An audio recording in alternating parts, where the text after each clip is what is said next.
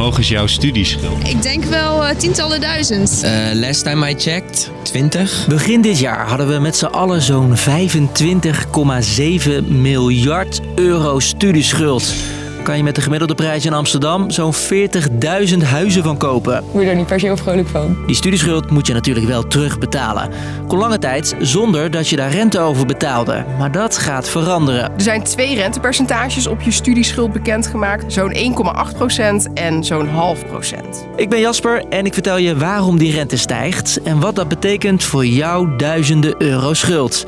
En reken er maar op, je gaat veel getallen horen deze podcast. Maar komt goed, ik hou het kort. Lang verhaal kort. Een podcast van NOS op 3 en 3FM.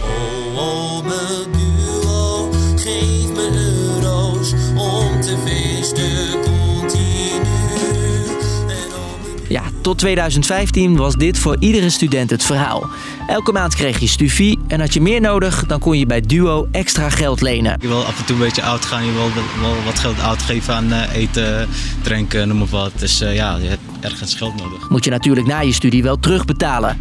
Gemiddeld hebben studenten ongeveer 16.000 euro studieschuld. Voor degenen die na 2015 zijn gaan studeren, ligt dat bedrag een stukje hoger. Zij vallen onder het leenstelsel. Ze kregen geen studiefinanciering, maar moesten dat bedrag lenen. Ik vind het best eng dat ik een studieschuld heb van 55.000 euro als ik klaar ben. Ben je klaar met studeren, dan hoef je die schuld niet meteen terug te betalen. Vertelt mijn collega Nina Bogus-Savats van de economieredactie. Ja, na je studie heb je eigenlijk twee jaar dat je nog niks hoeft terug te betalen. Op dat moment wordt wel de rente op je schuld bepaald en die wordt dan voor vijf jaar vastgezet. Na de twee jaar uh, moet je iedere maand een stukje van je schuld aflossen. En dat is dan weer afhankelijk van hoeveel je verdient. Betaal je dus wel rente over, maar die was lange tijd super gunstig, 0%. Ter vergelijking, die rente was ooit in 1992 uh, zo'n 11%. Sindsdien is hij eigenlijk alleen maar aan het zakken. En de laatste vijf jaar, dus sinds 2017, staat hij eigenlijk op zijn laagst, namelijk die 0%. Maar dat gaat vanaf volgend jaar veranderen. thank you. De onderwijsminister gooit de rente volgend jaar dus omhoog naar 1,8% of 0,5%. Beetje verwarrend, die twee verschillende cijfers, maar Nina legt uit hoe dat zit. Ja, de rente van 1,8% die geldt voor studenten in het MBO en voor studenten in het HBO en WO uit het oude stelsel. Dus voor studenten die nog studie kregen. De rente van zo'n half procent is voor studenten in het HBO en de universiteit in het huidige stelsel, dus het leenstelsel. De hoogte van die rentes die zuigt de minister niet zomaar uit zijn duim. Ja, dat is wettelijk allemaal vastgelegd inderdaad.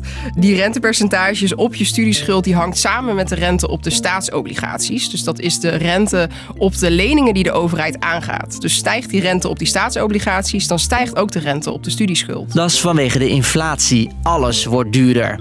Dus even een voorbeeldje. Je bent een oud MBO-student, je hebt 20.000 euro schuld en je moet nog 15 jaar aflossen. Dan ga je straks 180 euro per jaar meer betalen aan rente. En dat was je misschien al opgevallen. Voor MBO'ers ligt de rente een stuk hoger. Nina, hoe zit dat? Ja, dat is eigenlijk zo gebeurd met de invoering van het leenstelsel in 2015. Voor MBO'ers is toen besloten dat zij onder het oude stelsel blijven vallen. Net zoals studenten die toen al studeerden. Daarvoor is een ander rentepercentage vastgesteld, omdat die op een andere manier wordt berekend. Het is eigenlijk gewoon een politieke kwestie dat die keuze toen is gemaakt. Maar door die politieke keuze betalen zij straks wel drie keer zoveel rente. En daar balen MBO-studenten volgens Jelmer Becker flink van. Hij is van het Job, een vereniging die opkomt voor MBO'ers. Dit is weer een ongelijkheid. Weer moeten wij meer rente betalen dan de HBO en het WO. We worden hier op dit moment weer echt wel benadeeld en dat moet echt stoppen. De onderwijsminister is het daarmee eens en wil volgend jaar de rente voor alle studenten gelijk maken. Maar ja, gelijk of niet, niemand zit op die renteverhoging te wachten. Veel studenten, vooral die van de pechgeneratie, zijn er niet blij mee. Volgens mij had niemand echt verwacht dat aangezien je ook al niet echt veel compensatie krijgt, dat ze dan ook nog de rente gingen verhogen. En dat vindt ook Joran van Velzen. Hij is de voorzitter van de studentenvakbond LSVB. Dit gaat om studenten die vaak al een enorme schuld hebben. Die te horen hebben gekregen dat ze de schuld niet mee zou tellen voor hun uh, hypotheek die te horen hebben gekregen dat er gunstige leenvoorwaarden zouden zijn. Nou, dat blijkt dus allemaal gewoon niet waar. Bij de LSVB willen ze dan ook dat de renteverhoging alsnog van tafel gaat. En daarom zijn ze een petitie gestart. Die heeft in enkele weken meer dan 100.000 handtekeningen behaald. En we hopen dat dat ook duidelijk maakt aan de politiek voor hoeveel studenten dit belangrijk is. En dat die rente echt op 0% moet blijven. Dus, lang verhaal kort. Lange tijd was geld lenen bij Ome Duo lekker goedkoop. De rente was 0%.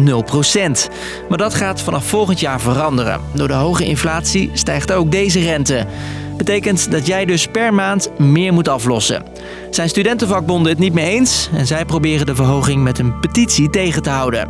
Was de podcast weer? Je kan erop rekenen dat er elke werkdag rond 5 uur een nieuwe aflevering voor je klaar staat. Helemaal gratis, zonder rente.